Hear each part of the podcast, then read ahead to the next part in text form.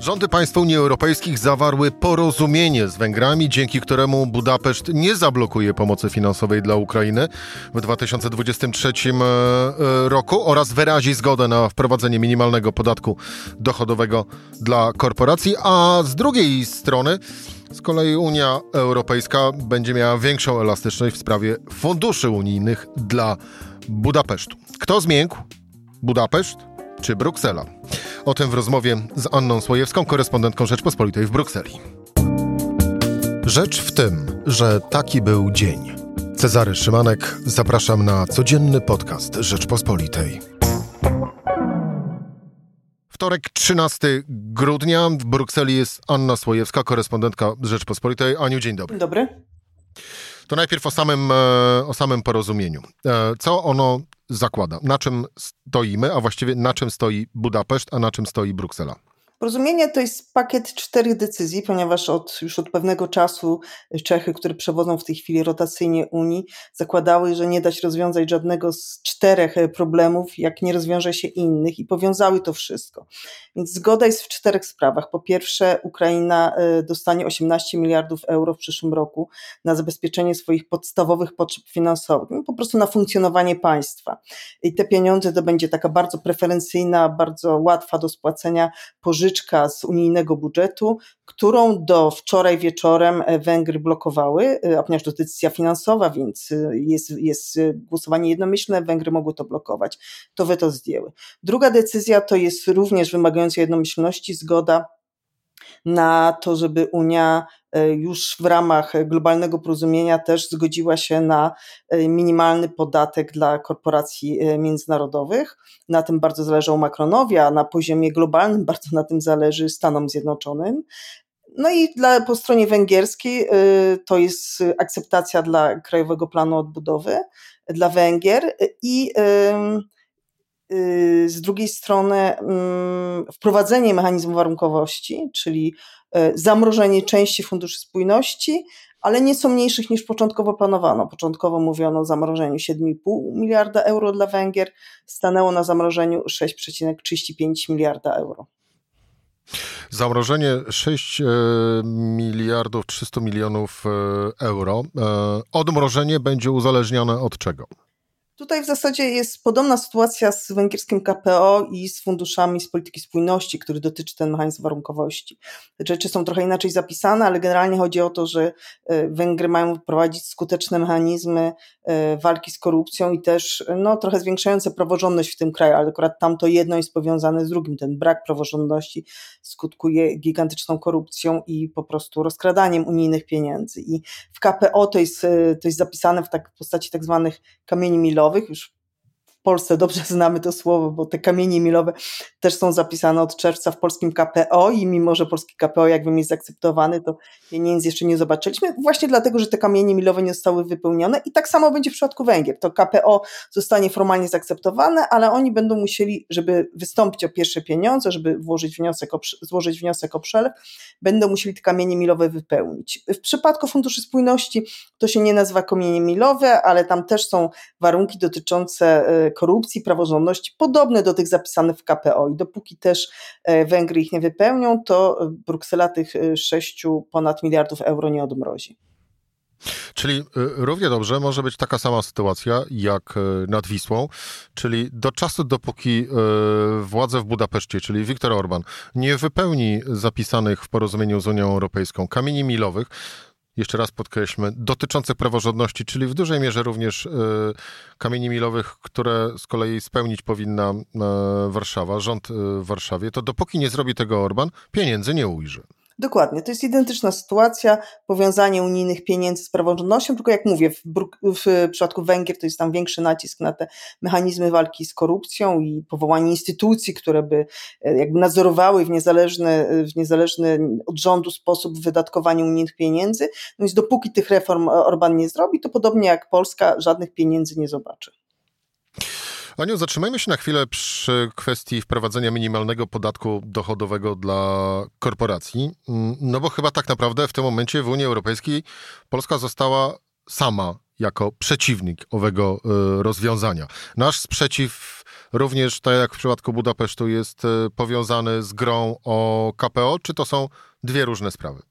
Znaczy ja nie wiem, czy Polska została sama, bo mi się wydaje, że tutaj jest jakiś taki trochę chaos informacyjny dzisiaj i szczerze mówiąc ja nie wiem, jaka jest ostateczna, e, jak ostatecznie sytuacja wygląda, ponieważ czeska prezydencja w nocy ogłosiła, że jest jednomyślne poparcie dla e, minimalnego podatku. Potem widziałam, e, niektóre media cytowały anonimowe informacje, że jakoby Polska swój sprzeciw podtrzymuje. No właśnie do tego nawiązuję. Wydaje mi się, że y, no, to, trochę dziwne by mi się wydawało, żeby Czesi po spotkaniu, w którym uczestniczył przy, przecież przedstawiciel Polski przy Unii, ambasador Polski przy Unii, żeby Czechy ogłaszały zgody, gdyby polski przedstawiciel powiedział, że tej zgody nie daje. Więc być może, y, ale to jest tylko moje takie spekulacje, być może tam jeszcze są dogadywane jakieś drobiazgi, które w najbliższych dniach y, zostaną wyjaśnione. Polska rzeczywiście w różnych momentach podnosiła swoją rezerwę wobec tego podatku, dając argumenty finansowe, ale znaczy argumentem merytoryczne, ale od początku właściwie to było widziane też jako taka próba nacisku, e, nacisku na Unię w sprawach e, czy to polskiego KPO, czy wcześniej też powiązania Funduszy Spójności z Kartą Praw Podstawowych, ale głównie z, głównie z polskim KPO. Więc tutaj muszę powiedzieć, że, że nie wiem. Wydaje mi się, że to jest jakiś chaos informacyjny.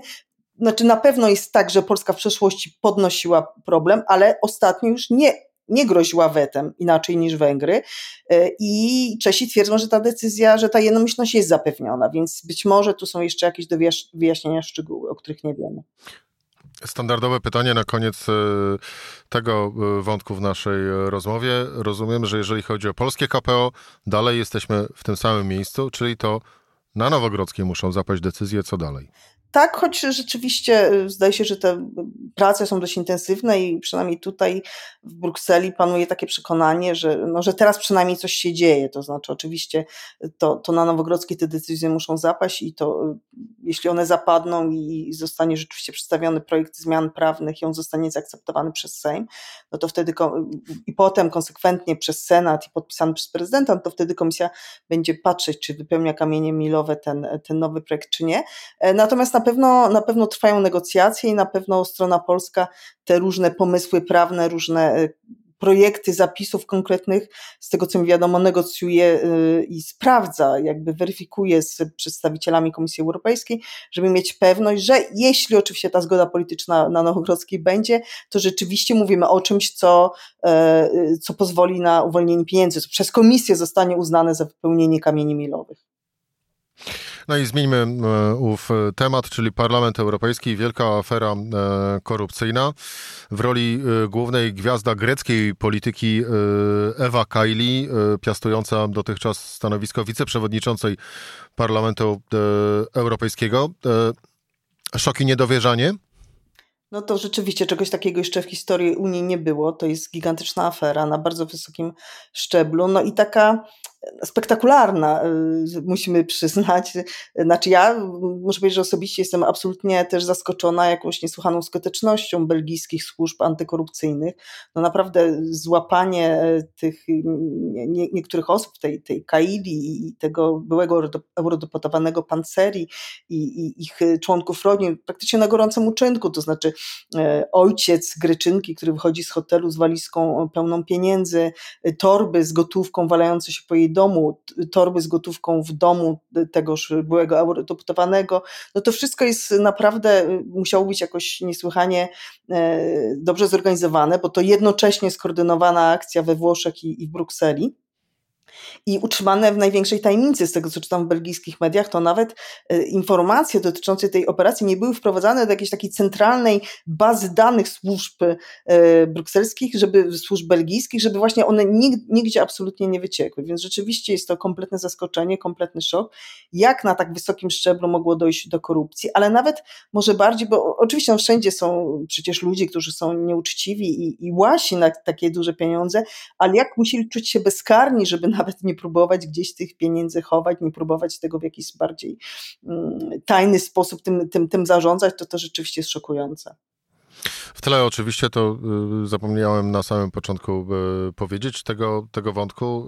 Y, w tle oczywiście Katar i płynące stamtąd owe, owe wielkie pieniądze. Aniu, jak się komentuje całą sprawę? To jest właśnie bardziej w kontekście samej Ewy Kaili, czy i jej ułomności jako, jako człowieka mm, uczciwego, czy też w komentarzach pojawiają się głosy dotyczące samej instytucji Parlamentu Europejskiego, że tu mogło coś nie zadziałać. Zdecydowanie jest to komentowane w szerszym kontekście. E, w takim duchu powiedziałam, powiedziałabym, sam parlament się o to prosił. To znaczy, niektórzy mówią, a nie mówiłem, tak to się musiało skończyć, bo oczywiście, jak, jak powiedziałam, to, że jakiś tam nieuczciwy człowiek e, się, się, znajdzie, to jest możliwe wszędzie, ale że, że nie ma mechanizmów, które by na jakimś wcześniejszym etapie to jakoś weryfikowały, no na tym polega problem. Problem z parlamentem polega na tym, że on nie chce od lat uczestniczyć w takim mechanizmie transparencji, to znaczy organizacje pozarządowe od lat naciskają instytucje unijne, żeby w jasny sposób było pokazywane, jak wygląda lobbying. I rzeczywiście bardzo dużo to się już wydarzyło, oczywiście jest opór i polityków, i urzędników, no ale wskutek tej presji wiele się wydarzyło i na przykład y, trzeba, y, trzeba mówić o wszystkich spotkaniach, y, które się odbyło z lobbystami firm czy państw i tak dalej. Na przykład w Komisji Europejskiej wszyscy komisarze muszą taki jawny, publiczny kalendarz publikować, gdzie z kim, co, co zrobili, gdzie byli, z kim się spotkali i tak dalej. Jeśli chodzi o Parlament Europejski, tam jest pewien, pewna doza transparencji dotycząca lobbystów biznesowych, natomiast jeśli no nie ma żadnego wymogu opowiadania się z że się spotkało z przedstawicielami innych państw. I to jest oczywiście problem, dlatego że y, parlament zawsze argumentował, że no my jesteśmy tymi wybrańcami narodów, prawda? To nie, nie komisja, gdzie są urzędnicy, no to ich trzeba oczywiście kontrolować, natomiast my powinniśmy zachowywać pełną swobodę działania. My jako deputowani, jako wybrani przez obywateli Unii przecież możemy się spotykać z kim chcemy. No i właśnie y, gdyby pewnie y, taki, trans, taki, taki mm, rejestr transparencji, rejestr przejrzystości istniał, być może wcześniej gdzieś jakieś dzwonki alarmowe by się, mm, by zadzwoniły, że tam za dużo do jakichś spotkań dochodzi. Ale też szczerze powiem, nie jestem wcale taka pewna, czy by zadzwoniły, bo tutaj ta cała konstrukcja jest bardzo perfidna, dlatego że w całej tej sprawie do korumpowania e, tych e, eurodeputawanych, do, znaczy na razie wiemy o, o, o jednej eurodeputawanej, ale też wiemy, zostali zatrzymani asystenci innych eurodeputawanych.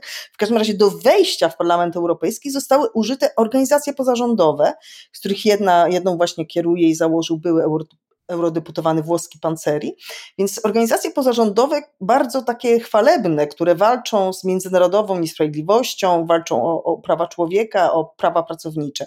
Więc sądzę, że gdyby nawet Ewa Kaili pisała w swoim rejestrze, rejestrze transparencji, gdyby tak, takowyż istniał dla eurodeputowanych, że oto spotyka się z przedstawicielami organizacji Find Impunity, no to ja nie wiem, czy, czy to by wzbudziło czyjeś podejrzenia. Więc nie wiem, czy akurat w tym przypadku by, by to zadziałało, ale niewątpliwie to jest teraz pretekst i to jest taki bardzo, bardzo no, poważny sygnał ostrzegawczy, że coś trzeba w parlamencie zmienić. A na samych e, eurodeputowanych e, no, kolokwialnie mówi się, że mógł paść blady strach w związku z takimi wydarzeniami. Czy coś takiego można gdzieś wyczuć w tych komentarzach i rozmowach? Tak, to znaczy, no, z pewnością jest takie pytanie, czy, y, czy ta afera jednak nie zatoczy szerszych kręgów, prawda? Czy z tych pierwszych y, przesłuchań i z tych y, informacji, które na twardych dyskach zostały zarekwirowane, z różnych dokumentów, które policja już teraz przegląda, bo ma do nich dostęp, czy tam nie wyniknie, że jeszcze jakieś kolejne osoby e, nie są w to zamieszane. No na razie jakby swoje, mm, e, swoich, swoje obowiązki e, zawiesiło dwoje eurodeputawanych belgijskich, znaczy oni dalej są eurodeputowanymi, im żadne, żadne zarzuty nie zostały postawione, natomiast ponieważ ich asystenci zostali zatrzymani, no to oni zrezygnowali z takich skierowania różnymi ciałami, że tak powiem, legislacyjnymi w Parlamencie Europejskim, dopóki ta sytuacja nie zostanie wyjaśniona. Więc oczywiście z pewnością grupie socjalistycznej, bo to ona była tutaj celem tych korupcyjnych ataków, bo to socjalistą był ten były włoski eurodeputowany Panceri, który był jakby mózgiem tej całej operacji, czy pewnie mózgiem był ktoś w Katarze, no ale on był jakby tutaj centrum tej sieci korupcyjnej no to on jakby celem byli socjaliści. Zresztą to nie jest takie głupie, bo, bo, bo socjaliści przecież z definicji bronią praw pracowniczych, e, a, a tutaj właśnie e, niektórzy z nich nagle w debacie o Katarze przed mundialem zaczęli mówić, że no może i owszem, ktoś tam na tych budowach stadionów umarł, ale jednak w Katarze się bardzo poprawia i, i tam jest postęp jest dużo lepiej niż było kiedyś. Więc oczywiście w ustach socjalistów to brzmiało bardziej wiarygodnie niż pewnie zabrzmiałoby w ustach takich zatwardziałych rynkowców z prawej części Parlamentu Europejskiego. Na koniec tak naprawdę pozostaje tylko zastanawianie się, e, gdzie jeszcze w, i w których instytucjach, e, czy to europejskich, czy światowych, e, wypłynie Katar, a właściwie walizki dolarów z Kataru po FIFA i teraz Parlamencie Europejskim. No ale to zostawmy już organom, organom ścigania. Anna Słojewska, korespondentka Rzeczpospolitej w Brukseli. Aniu, dziękuję Ci bardzo za rozmowę. Dziękuję bardzo. To była Rzecz w tym we wtorek. Cezary Szymanek, do usłyszenia jutro o tej samej porze.